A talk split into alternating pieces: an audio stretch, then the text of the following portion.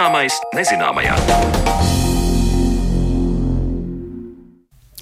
Esiet sveicināti raidījuma zināmais nezināmajā un Sandra Kropa kā ierašajā laikā kopā ar jums. Valsts prezidents ir aicinājis politiķus diskutēt par latviešu vēsturisko zemju likumu. Topošā likuma projektā noteikts vēsturiskās zemes vidzeme, latgale, kurzeme, zemgale un sēlī, kur robežās tad vēl noteiktas mazākas kultūra telpas. Par likumu un tā ietekmi vēl priekšā daudzas un dažādas diskusijas, taču kā un kāpēc veidojušās Latvijas vēsturiskās zemes un kā ir iespējams pateikt, kur velkama kurzemes robeža un kas liecina par dziļas sēles publisko. Par to visu mēs šodien runāsim raidījuma otrajā daļā, kad atbildes meklēsim kopā ar pētniekiem šeit studijā. Taču pirms tam pievērsīsimies Ludzas Igauņu vēsturei.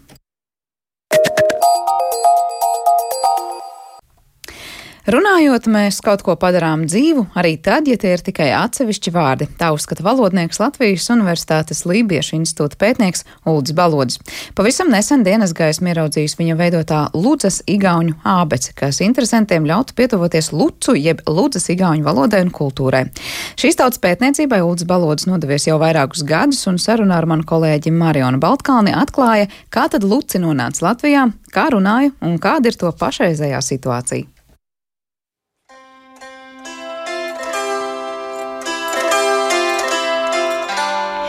Somugru tauta Ludzas Igauni dzīvoja Ludzas apkārtnē vairākus simtus gadu. To valoda un kultūra attīstījās latgaliešu un citu valodu ietekmē. Taču Ludzas Igauniem bija pašiem sava identitāte un valoda, kas atšķīrās gan no Igaunijā sastopamās, gan citas Latvijas somugru tautas lībiešu valodas. Iedvesmojoties no agrākām pētnieku ekspedīcijām, mans sarunu biedrs, valodnieks un pētnieks Latvijas Universitātes Lībiešu Latviešu institūtā Uldis Balodis trīs gadu laikā apbraukājis un fotografējis 53 Ludzas igauņu ciemus. Mūsu sarunas laikā uz galda goda vietā atrodas jaunā Ulda Baloža radītā Ludzas igauņu ābece ar viņa fotografijām, un turpinājumā pētnieks atklāja, kas tad zināms par šo tautu. Īstenībā neviens īsti skaidri nezina, kad viņi nonāca Latvijā.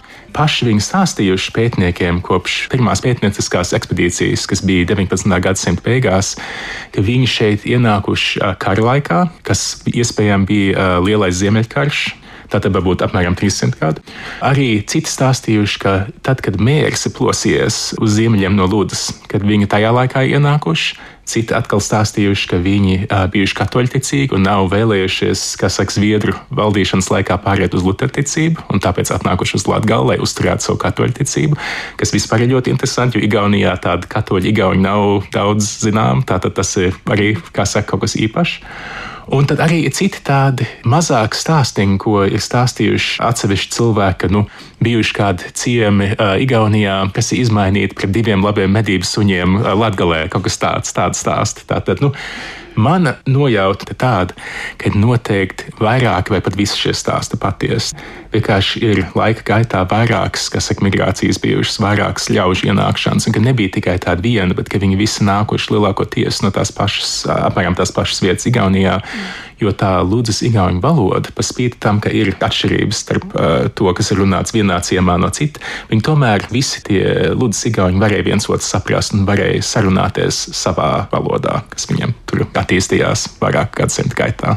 Starp citu, Luci, tas ir Lūdzes igauņu apzīmējums viņu pašu valodā. Tas ir kaut kas tāds, kas tagad ir tapis jaunos laikos, jo ja, igauņu valodā Lūdza ir vienkārši Lucija. Un tā tad igauniski Lūdzes igauņi arī ir Lucija Estlasat. Vienkārši mūsdienās ir tā, ka šī kopiena viņai ir pašai sava identitāte, pašai savu vēsturi, un tāpēc arī loģiski par viņu runāt ar vienu nosaukumu, kas nav tas pats kā citiem igauņiem. Bet viņi paši sevi saukuši parasti lietojot nosaukumus, kas ir arī cilvēkiem Igaunijā raksturīgi. Tātad viņi saukuši sevi vienkārši par igauniem. Un arī ir tāds nosaukums, ko Igauni lieto, kas ir uh, mārahvas, kas ir tā tāda, nu, varētu teikt, zemnieka zemes ļaudis. Tā vieta, kur tieši viņi apmetās, tad ir Lūdzes pilsēta vai plašāks apgabals? Jā, tas ir vairāk lauku ciemi aplūdes. Tātad padomju gados uh, pagasti tika likvidēti un, un bija ciemi padomas, un tad jaunajos neatkarības laikos ciemi padomas pārtapa atkal pa pagastiem, bet tās robežas pilnīgi, pilnīgi atšķirās. Un tātad, runājot par Lūdzes igauņiem, bieži runā par tām vecām pagastu robežām, jo tas ir savā ziņā vienkāršāk, un arī tas vienkārši nu, lielākā daļa no pētniecības ir sasaistīta ar to. Tātad veco pagastu robežās viņi bija bija Pildas, Nirzas, Brigu un Mērdzenes pagastos. Oskars Kallas, kas bija Igaunijas pētnieks, kas 1893. gadā veids pirmo plašo pētniecisko ekspedīciju tajā apkārtnē, viņš piefiksēja viņu atrašanos 53 ciemos šajos četros pagastos. Tātad viņi bija principā izkaisīti tā, nu, pat tādu areālu. Tā, uz dienvidiem un tad uz ziemeļiem no Ludus, varētu teikt, tā, nu, dienvidiem un dienvidu austrumiem un, un ziemeļiem. Ludus Sigauņi, vienīgie Ludus Sigauņi ir tie, kas dzīvo ap Ludu. Bet vēsturiski bijušas uh, trīs kopienas, kas runājušas to, ko sauc par dienvidigauņu valodu. Un dienvidigauņu valoda, līdzīgi kā varētu teikt, latviešu valodā mēs runājam par latgaliešu dialektu vai valodu, līdzīgi Igaunijas dienvidu austrumos ir ļoti atšķirīgs valodas variants, ko daži vēsturiski uzskatījuši par dialektu grupu, un citi tagad sauc par valodu. Un ārpus Igaunijas ir trīs šīs pašas valodas kopienas. Ir Levi, ziemeļos, netālu no Alūksnes, ir Ludus Igauni, un tad pie Krasnogorodskas, kas ir nu, pāri robežai Krievijā, arī bija vēl trešais variants, ko sauc par krāsnes Igauniem. Un krāsna vienkārši tāpat kā Lucija ir Lūdzes nosaukums uh, Igaunijas valodā, tāpat krāsna bija uh, Krasnogorodskas nosaukums Igaunijas valodā arī. Uh, Lūdzes Igaunijas valoda un krāsnes valoda tās ir līdzīgākas vienotrai, un leivu valoda, jocīgā kārtā, ko runāja vēsturiski pie Ilzenes un Leisciem, tā kā netālu no Alūksnes, tur īstenībā šī valoda smagi atšķirās no Lūdzes Igaunijas valodas, un ir doma, ka leivi iespējami vienkārši ir attīstījušies pa citu ceļu ilgāku laiku nekā Lūdzes Igaunija, arī tās apkārtnes valoda ietekmē. Nu, labi, Uldi, man liekas, ka būtu savādi runāt par uh, Ludzas igauņiem un uh, viņu valodu, ja mēs uh, varbūt nemaz neko no šīs valodas nedzirdētu. Mm, ja skatos uz alfabētu, protams, pirmais, kas uzreiz krīt acīs, nu, piemēram, aburtam, ja, četras variācijas. AA, tad ir A ar diviem punktiņiem, un tad ir A ar diviem punktiņiem, virs kuriem vēl strīpiņa. jā, jā. Nu, piemēram, ar oburtu sanāk ir tieši tas pats. Tātad, tāpat kā latviešu valodā, lībiešu valodā un arī ludzīgāņu valodā ir garumzīmes, kas apzīmē garus patskaņus, atšķirībā no īsiem patskaņiem. Ir mīkstinājuma zīmes, kas apzīmē mīkstinātus līdzskaņus. Ar tiem divpunktiem, tā ir, teiksim, A divi punkti, tā kā mūsu platais ē, un ir īss un garš, tātad A diviem punktiem vienkārši ē un A diviem punktiem un garumzīme ir ēta, mm. tad garais. Un tāpat ar šiem citiem burtiem, tātad O divi punkti Ö un garais uh, U2.U un garais U. Un tad arī ir patskans, uh, ko raksta burtu Y. Mm -hmm. uh, un tas ir tāpat kā latviešu rakstībā ir Y, kas apzīmē tādu cietu I skaņu. Līdzīgi tas ir tāpat arī Ludusigāņu valodā. Arī šo burtiņu var izrunāt arī garu, un tad raksta garam zīmi. Bet es teiktu, no frāzēm, kas vienmēr ir ļoti derīgas un kas īstenībā arī ir kopīga ar igauņu valodu, ir, protams, vārds sveiks, kas ir tere paldies ir. Nu, tas mazliet atšķirās, jo, protams, igauniski aita, bet Lūdzes igauņu valodā ir aitumē. Un tad, kopš es sāku šo valodu pētīt, vairs nebija neviena palicis, kas varētu tā kā tekoši sarunāties Ludus Igaunijas valodā. Bet viens no cilvēkiem, ko es satiku, kas man bija ļoti nozīmīgs, bija uh, viena kundze vārdā Antonīna Nikonova, kas tagad ir aizgājusi mūžībā. Viņas vīrs bija pēdējais, kas varēja šajā valodā tekoši sarunāties, bet viņa pati vēl zināja ļoti daudz vārdu un ļoti daudz, kas saka, teikumu un tā. Un man vienmēr patīk, ka viens no teikumiem, ko viņi atcerējās, bija kā teikt, es tevi mīlu šajā valodā, un tas kaut kādā veidā liekas tik skaisti. Un, uh, tas ir Masinu Salī. Man tas ļoti patīk, ka šī bija viena no lietām, kas nonāca līdz mūsdienām. ka tā nav pazaudēta. Tā nav pazaudēta, tieši tā. Par Ludzas igauņu kultūras mantojumu liecina pasakas, tāpat Oskara Kallasa pētniecības ekspedīcijā pierakstītas tautas dziesmas un mīklas, un 20. gadsimta 30. gados Ludzas igauņu dziesmas dokumentējis Emilis Melngailis. Arī, kas ir brīnišķīgi, Ludzā ir uh, Ciblas folkloras grupa uh, vai kopa Ilža, kas uh, izdeva brīnišķīgu jaunu uh, kompaktisku, kur ir dziedātas Ludzas Igaunijas dziesmas, un vairāki no Ilžas, kā saka, tās uh, kopas ir Ludzas Igaunijas pēcteči. Bet ir arī tādi, kas uh, ne tikai to varbūt apzinās, ka tā varētu būt, bet ar lepnumu saka, jā, es esmu Ludzas Igaunis un varbūt pat vēl kaut ko atceras no šīs oh, valodas. Jā, tās pēdējās vietas, ko to valodu vēl ikdienā dzirdēju, viena vieta bija lielais ķepšs ciems Pildas pagastā, kas ir uz dienvidiem no Lūdzes. Un tad uz dienvidu austrumiem Nīrzes pagastā bija trīs ciemi - Greči, Barisi, un tad arī bija tādi šķasļievi, kas šodien vairs principā nepastāv. Un šajos ciemos arī vēl var atrast cilvēkus, kuriem tā valoda nav tieši zināma, bet viņi atcerās kādus vārdus vai stāstus. Un es teikšu, ka tas skaits īstenībā Ludus Zigauņa pēcteču skaits noteikti visai liels, mm -hmm. jo uh, ir arī daži tādi raksturīgi uzvārdi, piemēram, Latgalē bieži sastopās uh, tādu uzvārdu buls vai citu variantu buls, buļs, bulis, buļs. Arī mekšs, piemēram, tas arī vēl viens tāds tipisks Ludus Zigauņa uzvārds. Arī pētnieka Ulda Baloža dzimtā sastopamais uzvārds Soikāns ir saistīts ar Ludzas igauņiem. Pētnieka izveidotā Ludzas igauņu ābece ir iespēja uzturēt atmiņu par šo tautu un pietuvināties tās valodai. Ābecē atrodams alfabēts, katram burtam sniegts piemēra vārds, kā arī trīs teikumi parādot trīs svarīgākās lietvārdu formas. Grāmatas beigās vārnīca ar 600 vārdiem. Nākotnē es ceru, ka būs iespējams varbūt pa vasarām rīkot kādus dažus tādus daždienu kursiņus, kur šo āpēc varēs izmantot vienkārši kā tādu tekstu, lai iemācītu cilvēkiem, kas interesējās par šo tēmu, kā arī pašiem pat uzrakstīt vai pateikt kādus īsus teikumus šajā valodā. Šī grāmata daļa no ne tikai Latvijas valodas stāsta un, varētu teikt, Baltijas valodas stāsta, bet arī Eiropas un pasaules valodas stāsta. Par Ludas Igauņu vēsturi, valodu un jaunizdoto abeci stāstīja valodnieks Latvijas Universitātes Lībiešu institūta pētnieks Uldis Balodas, ar kur tikās mana kolēģa Mariona Baltkalni. Bet redzījuma turpinājumā no Latgals pārcelsimies arī uz citiem Latvijas novadiem, runājot par latviešu vēsturisko zemju likumu, par to, kāds ir šīs te robežas dažādiem Latvijas vēsturiskajiem novadiem un kā tās novilkt, mēs arī runāsim redzījuma turpinājumā.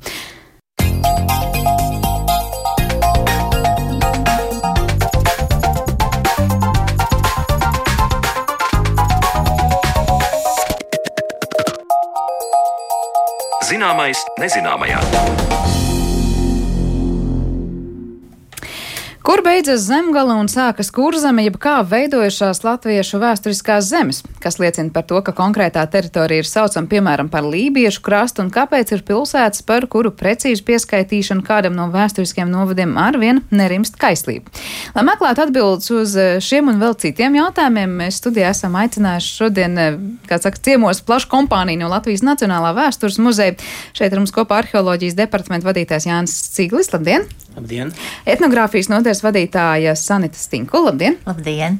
Un muzeja direktora vietnieka zinātniskajā darbā Toms Čikots. Sveicināti! Labdien! Uh, cik sen vispār mēs varam runāt par tādām, nu, robežām, kādas mūsu galvā ir nosprostas. Proti, ka mums ir šie vēsturiskie Latvijas zemju nosaukumi, teritorijas, tātad vidzeme, kurzeme, zemgala, latgala. Nu, mēs sēli arī liekam klāt, par kur, protams, dažādos laikos tās diskusijas arī bijušas dažādas. Nu, šis konkrētais, ar ko mēs esam tik ļoti sauguši, faktiski ir uh, Livonijas dalīšanas rezultāts, ja, un tātad Polijas-Zviedrijas kara rezultāts. 17. gadsimts. Tātad 16. gadsimta beigās tiek izveidota kurzemes un zemgājas hercogiste. Tātad viens Daugavas krasts tiek nošķirts no otra Daugavas krasta, kas līdz tam bija vienā Livonijas teritorijā. Un pēc tam, tātad pēc Polijas-Zviedrijas kārā, uz pusēm tiek sadalīta arī kādreizējā pārdaugavas hercogiste, tātad otrs Daugavas krasts, un tad faktiski šajās robežās veidojas Latgale nākamajos divos gadsimtos un vidzemē. Ja? Un tātad, eh, nu, tas ir faktiski vēsturiski politisku pārmaiņu rezultāts. Un, nu, šodien mums varbūt ir to grūti iedomāties, bet tās patiešām ir starp valstu robežas. Ja? Tātad mēs varam iedomāties 18. gadsimta beigās, tepat pie Rīgas ir muitas punkti, kurās, teiksim, kurzemes un Krievijas impērijas robeža, ja? tātad tiek pārbaudīts, kas tiek ievests, izvests. Nu, tātad tā sapratne par to, kas ir mūsu, mūsu teritorija, mūsu novads, ir, nu, teiksim, pavisam cita citā līmenī, nekā varbūt mēs šodien to iedomājamies tikai kā kultūra vēsturiski kaut kādu piederības jautājumu. Tā kā jūs teikt, kā robeža šķirtne ir šis 17. gadsimts un nu, vēsturiskie notikumi. Jā, tas ir, tas ir 17. gadsimta pirmās puses šis dalījuma rezultāts. Un laika gaitā tas ir noformējies, padziļinājies, tas ir ieguvis kaut kādus kultūras vaipstus un aprises. Ja, tā tad faktiski uh, šajās politiskajās robežās ir izveidojušās jaunas kopienas. Nu, nevis pašas kopienas ir izveidojušās. Es gribēju prasīt, jā, kas nu, vēsturiski un politiski var teikt, mēs nospraudām 17. gadsimta pirmajā mm. pusē šo, šīs robežas, bet tā kā cilvēki tur dzīvoja, cits pie cita, nu viņi jau dzīvoja ne tādos teritoriālos dalījumos. Nu, kā izskatījās? Tas ir, tas, ir, tas, tas ir jautājums tālāk, jautājums uh, valodniekiem, etnogrāfiem un arheologiem, kas tad ir šīs citas uh, robežas bez šīm vēsturiski politiskajām robežām, kuras nosaka karu, miera līgumu, pamieru rezultāti, kuras, teiksim, tiek nospraustas, nu un arī tad iekšā ir varbūt šīs apriņķu robežas, draudžu robežas, kas kaut kādā veidā, protams, ietekmē arī šo cilvēku kopā būšanu bet valoda, tradīcija, eh, konfesionālā piedarība, mantojums tie ir citi faktori, kas, kas nu, teiksim, šo te nu, kultūra vēsturisko novadu jautājumu padara daudz, daudz sarežģītāku un sadrumstalotāku. Tas vairs nav tikai jautājums par politiski nosprostām robežām. Nu, mm. Tur ir gan arheoloģijas, gan etnogrāfijas valodas mantojums. E, arheoloģijas un etnogrāfijas cilvēku mums šeit arī otrā pusē sēž. Došu jums vārdu, kā jūs komentētu, nu, kāda ir tā ainava, kāda ir tā 17. gadsimta pirmā puse un cik pamatots vai nepamatots tā laika robeža, kad tika nosprausts politisku notikumu dēļ iezīmē kaut kādas kopīgās un atšķirīgās lietas tajos reģionos, kur cilvēki dzīvoja.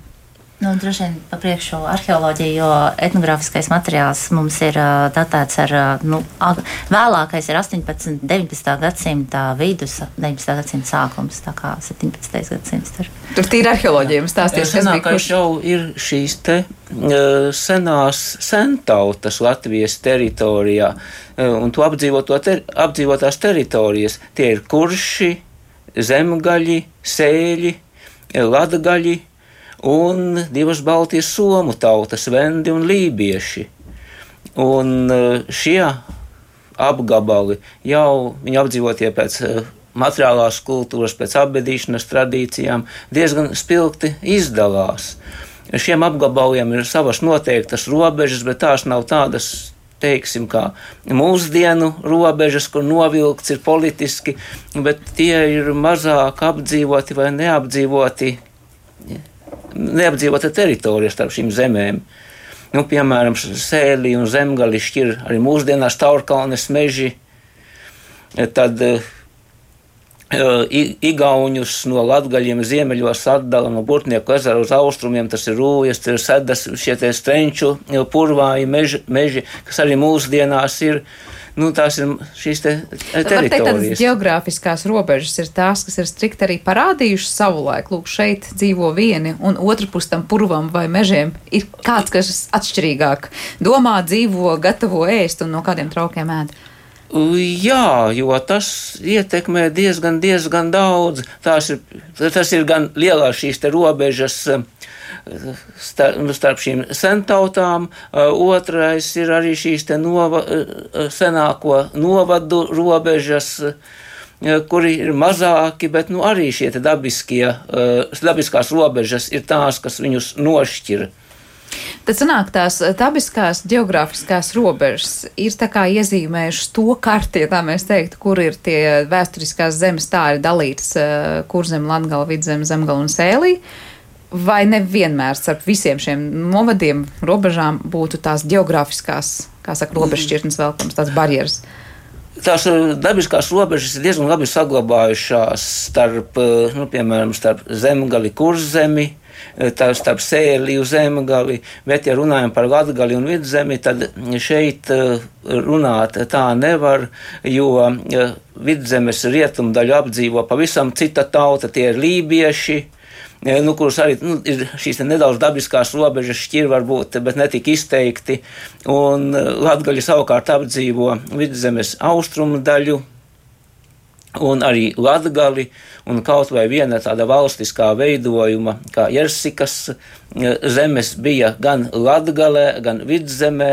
Viņas stiepās no Gaujas līdz apmēram gandrīz Daugaupilī, jo Un, un, un tas tas nāk tā, kā tur vairāk kopīgi bija nekā atšķirīgi. Jā, tajā zemē. brīdī bija. Bet arheoloģiski, kā skatoties uz dažādu šo reģionu tā laika liecībām, arheoloģiskām, viņas vairāk ir tā kā, kas parāda vienojošo vai tomēr ļoti atšķirīgo starp šīm tautām? Ir Tur ir diezgan grūti pateikt, ir diezgan daudz vienojošā, bet ir arī atšķirīgais. Un dažkārt, piemēram, starp latgaļiem un kuršiem atšķirīgais ir daudz izteiktāks nekā starp latgaļiem un lietuviešiem šajā laikā. Un bieži vien šīs politiskās robežas, politiskie noteik, notikumi ir bijuši tie, kas ir izveidojuši. Nu, Ietekmējuši arī nu, šo tautu veidošanos, tā skaitā arī lietuviešu un latviešu tautas veidošanos. Jā, mums šeit arī vairāk klausītāji sāk jau uzdot jautājumus. Nu, piemēram, Ines raksta, kāpēc mēs neskatāmies senāku laiku robežas, jo kurzeme, vidzeme, zemgala, latgala ir jau nostiprinājušies koncepti, taču varbūt šim vēsturisko zemju likumam būtu jāstiprina un jāveicina pētniecība senākām robežām. Mēs varētu pieteikt eh, teritoriālās pretenzijas Lietuvai. Nu, jā, vai te iezīmēs tādu veidu jautājumu? Protams, jo nu, tur arī arheologi var paturpināt, bet, nu, teiksim, zemgaļu un kuršu robežas, ja mēs tur skatītos, nezinu, 12. un 13. gadsimtā būtu stipri tālu līdz krustnešu ienākšanai kaut kur mūsdienu Lietuvas teritorijā un arī sēļu. Ja, tad, bet, nu, nu, droši vien, ka mēs tomēr, eh, kā nācija ar savu to teritorijas izpratni un valsts ar savu robežu izpratni, nu, diez vai mēs, eh, teiksim, iesim tik tālā pagātnē, lai definētu mūsu satversmē kaut kādas vēsturiskās ja, robežas. Tikpat labi lietuvieši varētu jā, jā, nu, teikt, kad zemi. Uh, zemgaļi mēs, teiksim, vai sēļi ir tur uh, kopīgais un tā tālāk. Tas, es domāju, ka tas ir jautājums, ko mums ir vienkārši jāpatur prātā, ka, nu, ka šīs robežas mainās. Un tas ir viens, viens stāsts ir šī 17. 18. gadsimta lielo šo novadu izveidošanās, nu, un cits stāsts, pilnīgi cita karte, būs tad, ja arheologi zīmēs kuršus, zemgaļus, sēļus, latgaļus. Viņu šī teritorija ārējā robeža nesakritīs ar mūsdienu Latvijas teritorijas ārējo robežu. Nu, Kur ir tas vidusceļš? Nu, vēl par tām pašām robežām, jo tik tiešām pusē sēļu, zemgaļu un kuršu zemju ir Lietuvas teritorijā. Savukārt, ja mēs paskatāmies, piemēram, Ziemeļlatviju, Rūja, Nērģima, šo apgabalu, tad viņš ir, tur apdzīvoši Igauni vēl vēlā dzelzs laikmetā, tur baltu pieminekļu nav. Un, un šīs robežas ir nepārtraukti mainījušās, un dažādu politisku, vēsturisku notikumu uh, uh, rezultātā šī dienvidu robeža nepārtraukti ir gājusi uz ziemeļiem. Tas ir Lietuvas, Polijas valsts bija militāri un spēcīgāka nekā uh, Livonija, un tas spiediens visu laiku ir bijis kamēr viņa nonākusi apmēram 16. gadsimtā līdz apmēram mūsdienu tagadējai robežai. Kā arī mēs no etnogrāfijas paskatāmies uz to karti, cik ļoti tā atšķiras no tā, kādu to zīmētu arheologi, piemēram?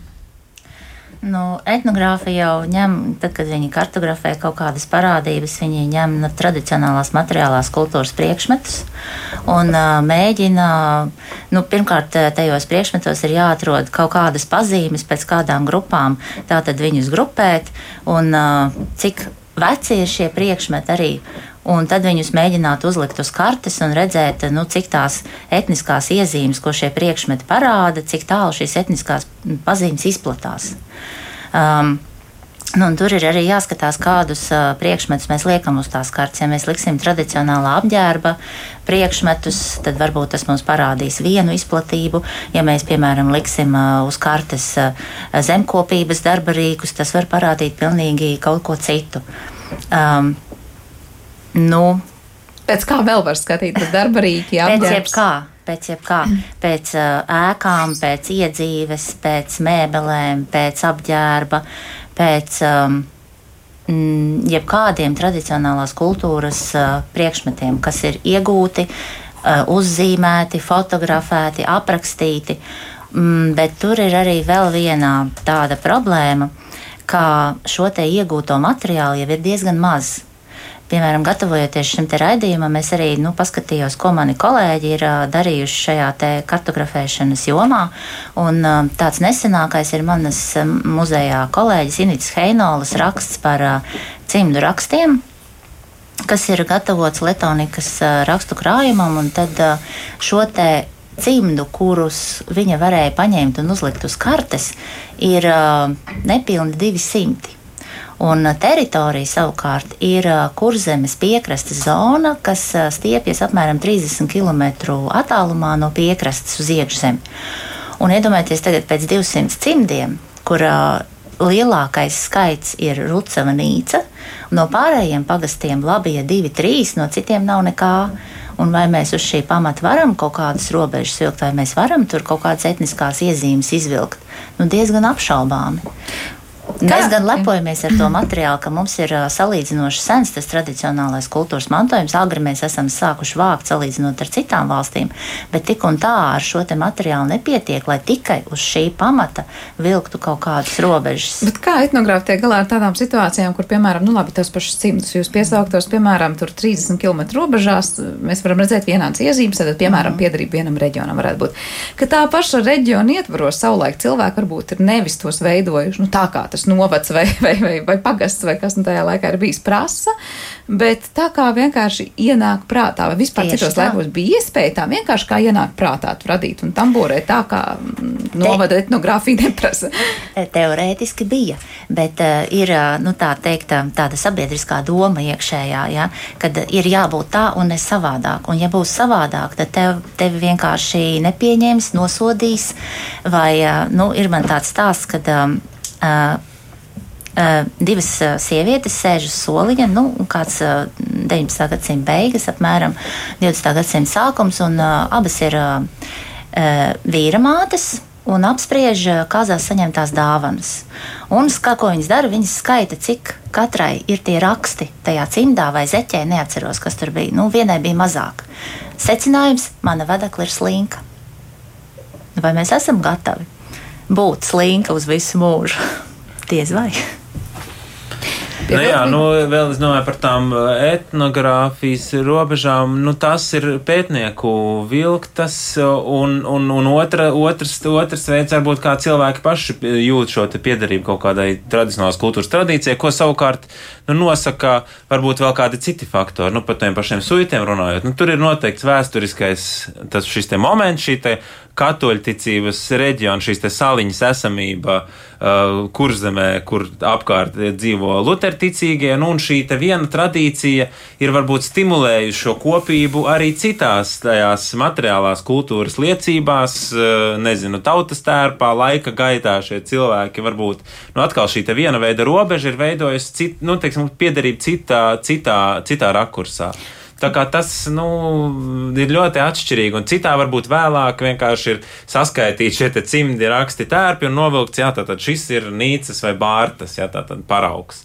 Nu, tur varbūt nav tās, un, un starp šiem pagastiem citādā veidā tādas ļoti izteikts robežas varbūt nav. Tie ir luterāņi, runā latvieši vidus dialektā, teiksim, noteiktā izloksnē, un citas tās atšķirības starp viņiem varbūt nav kā tikai tas, ko etnogrāfija novilks uz šīs kartes. Eh, šeit mums ir klausītāji divi uzrakstījuši praktiski identiski jautājumu. Piemēram, Mūlis raksta, stipri pasen skolā man mācīja, ka ir trīs kultūra vēsturiskie novadi - kurzem, vidzem, latgale.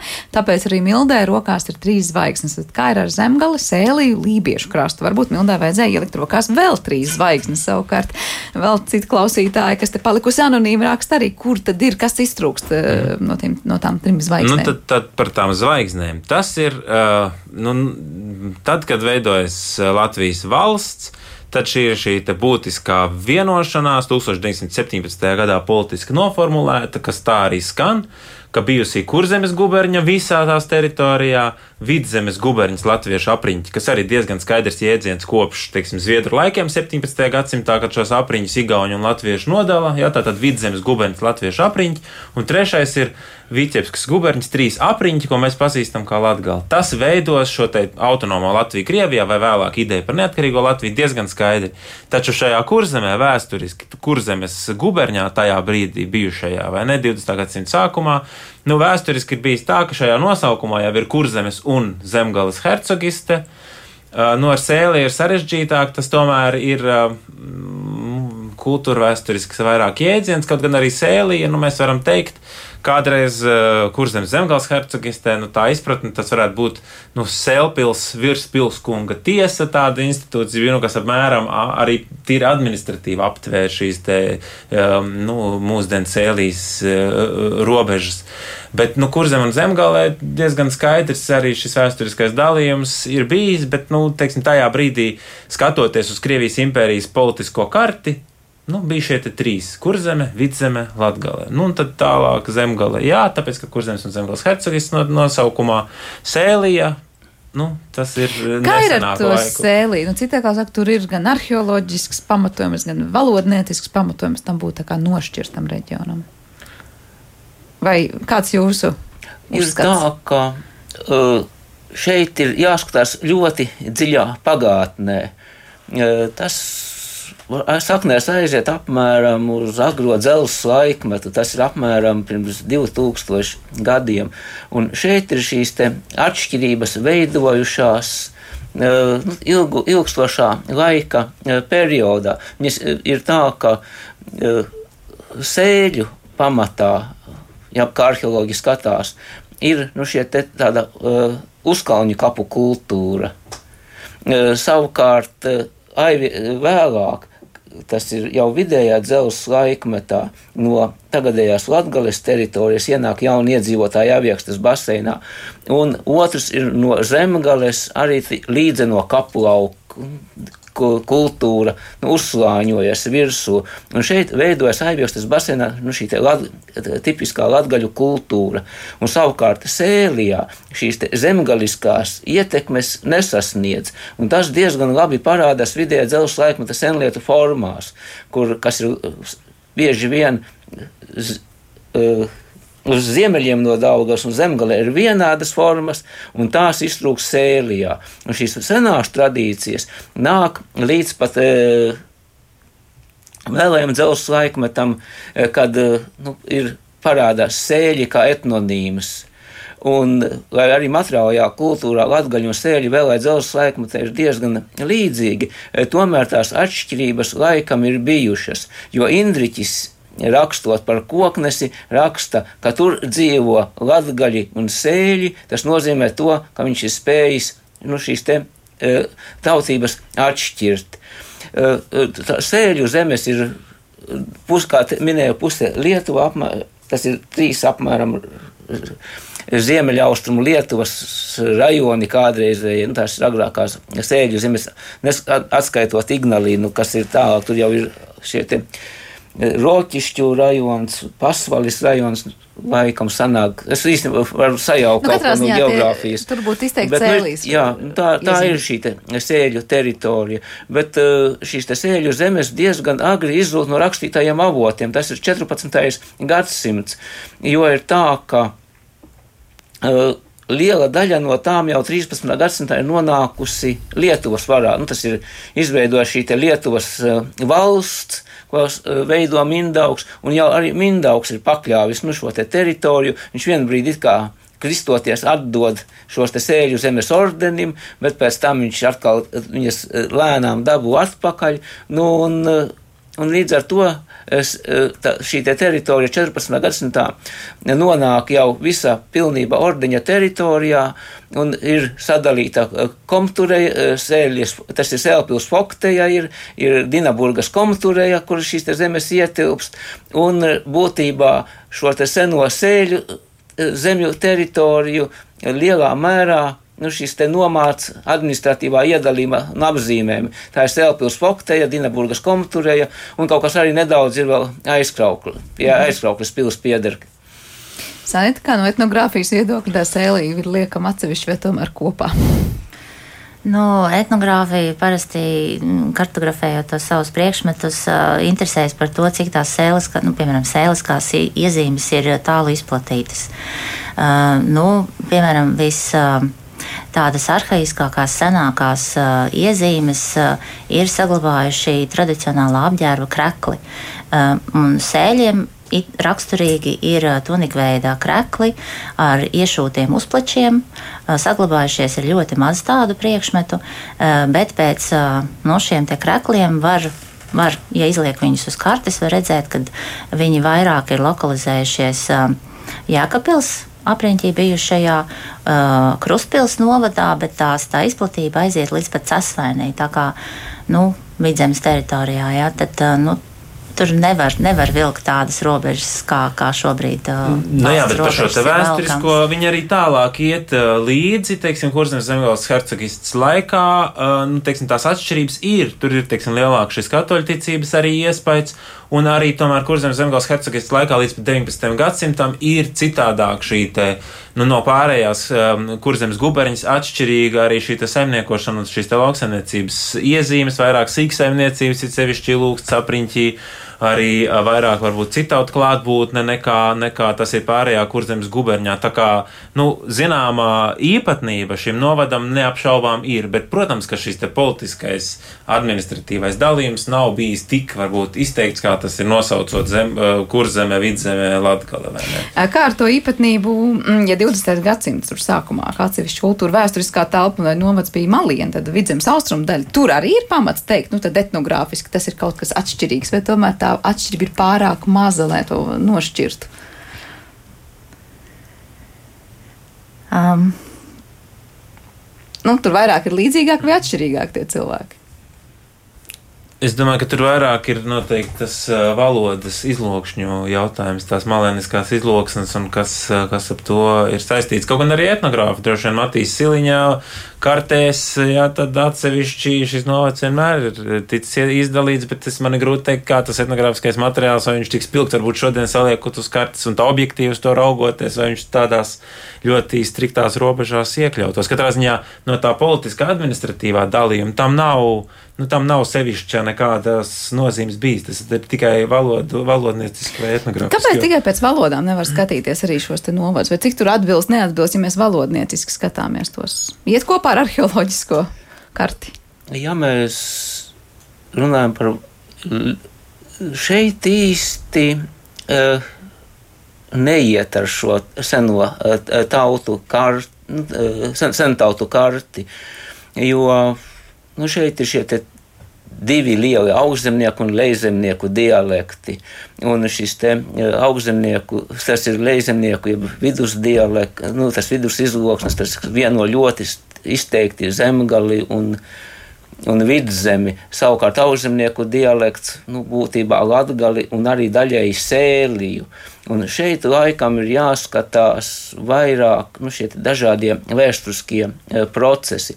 Mēs īsti nevaram pateikt, e, kurā laikā viņi veidojas, bet šķiet, ka e, tomēr ir kaut kādas nu, šīs agrākās vēl agrākās pirms šo sentautu robežām e, kaut kas apakšā, jo, piemēram, ir tāds jēdziens vidzemes zemgaļi, kad šīs te zemgaļi, kad ir šie te e, rietumvidzemē pirms lībiešiem, e, ogres baseinā ir nu šīs zemgaļiskās formas, dažreiz arī arheologi runā par vidzemes zemgaļiem, kas it kā viņus vieno, un pēc tam viņiem uzslāņos vairāk virsū nu šie te no austrumiem, nu, tādas uh, aiviekstes baseina.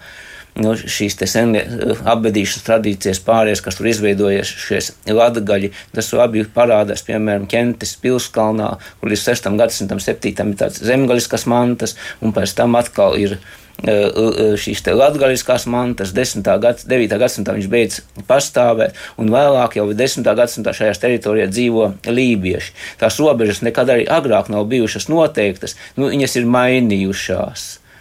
Kur ir tādi varbūt strīdīgākie gadījumi šobrīd, ja mēs skatāmies uz to, ko mēs kam pieskaitām? Zinu, ka tā, par tukumu daudz ir bijušas diskusijas par to, kā tas tur pēkšņi sanāk, tā ir zemgala nevis. Kur, zem, nu, kur, jā, kur tā robeža ir nospraužama? Nu, jautājums vienmēr ir tajā kritērijā, nu, mēs, cik mēs pirmkārt cenējam atpakaļ un ko mēs ņemam par pamatu. Nu, vai mēs ņemsim, nezinu, kurzemes un zemgāles hercogistas virspilskunga tiesas, kurā tukumā un kuldīgā, teiksim, ņemam tur 17. un 18. gadsimtu tukumā un kuldīgā atrados kurzemes šie virspilskunga tiesas centri un zemgāles atradās Sēlpilī un Jelgavā. Un, nu, tad skaidrs, tad tas aiziet, viss aizbrauc pie kurzemes. Nu, nezinu, vēlāk ņemtu 20. gadsimta izpratni, nu, varbūt kā nu, daudz, daudzi teiktu, ka drīzāk nu, tā kā pie, pie zemgales mēs skaitītu, un laikam arī vēlēšana apgabalā mēs skaitām pēc vēlēšana likuma arī pie zemgales vēlēšana apgabala. Nu, tā kā Nu, jautājums ir par to kritēriju. Un, Jā, droši vien, ka vienu paņemt būs ļoti grūti, lai uztaisītu universālu karti, jo tad būs jautājums, kāpēc mēs vienus novadus, te, teiksim, kultūra vēsturiskos tur ierakstam, citus neierakstam. Kādi, jūsuprāt, ir tie kritēriji, kuri būtu jāņem kā atskaits punkti?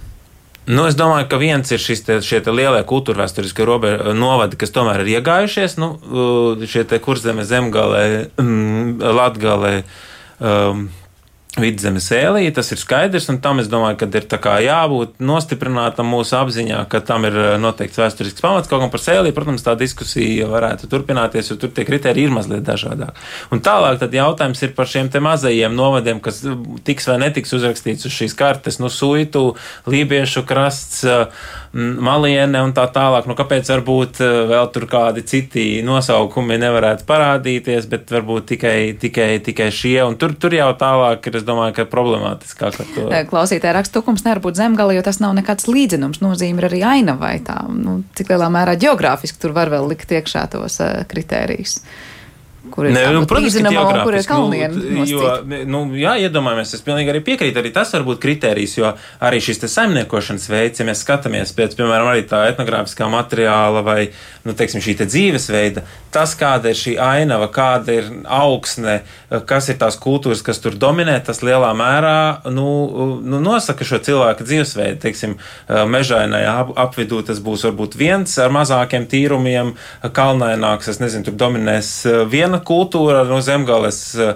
līdzenumā tur dominēs cits, un arī vēlāk šis saimnieciskais, eh, nu, teiksim, tā saimnieciskā dzīve, kas, kas tur izveidojās, nu, viņi ir atšķirīgi ar šīm zemgāles vecsaimniecībām. Nu, jūs viņus nesajauksiet nekad ar eh, sēlijas apbūvi vai, vai, vai, vai latgalē, kā, kā cilvēki, teiksim. Um, jā, šī, šo dzīvesveidu un apbūvi eh, piekopja. Jā, noslēdzot šo sarunu, Atis mums te jau pirms laika ir atrakstījis, ja godīgi šķiet, ka konkrēto kultūra telpu identitāti lielā mērā iezīmē daži aktīvāk kopienas pārstāvji. Ja šie daži aktīvisti nebūtu, arī konkrētās kopienas nebūtu tik skaļi dzirdamas un neiet protestēt visādos reģionālos reformu piketos.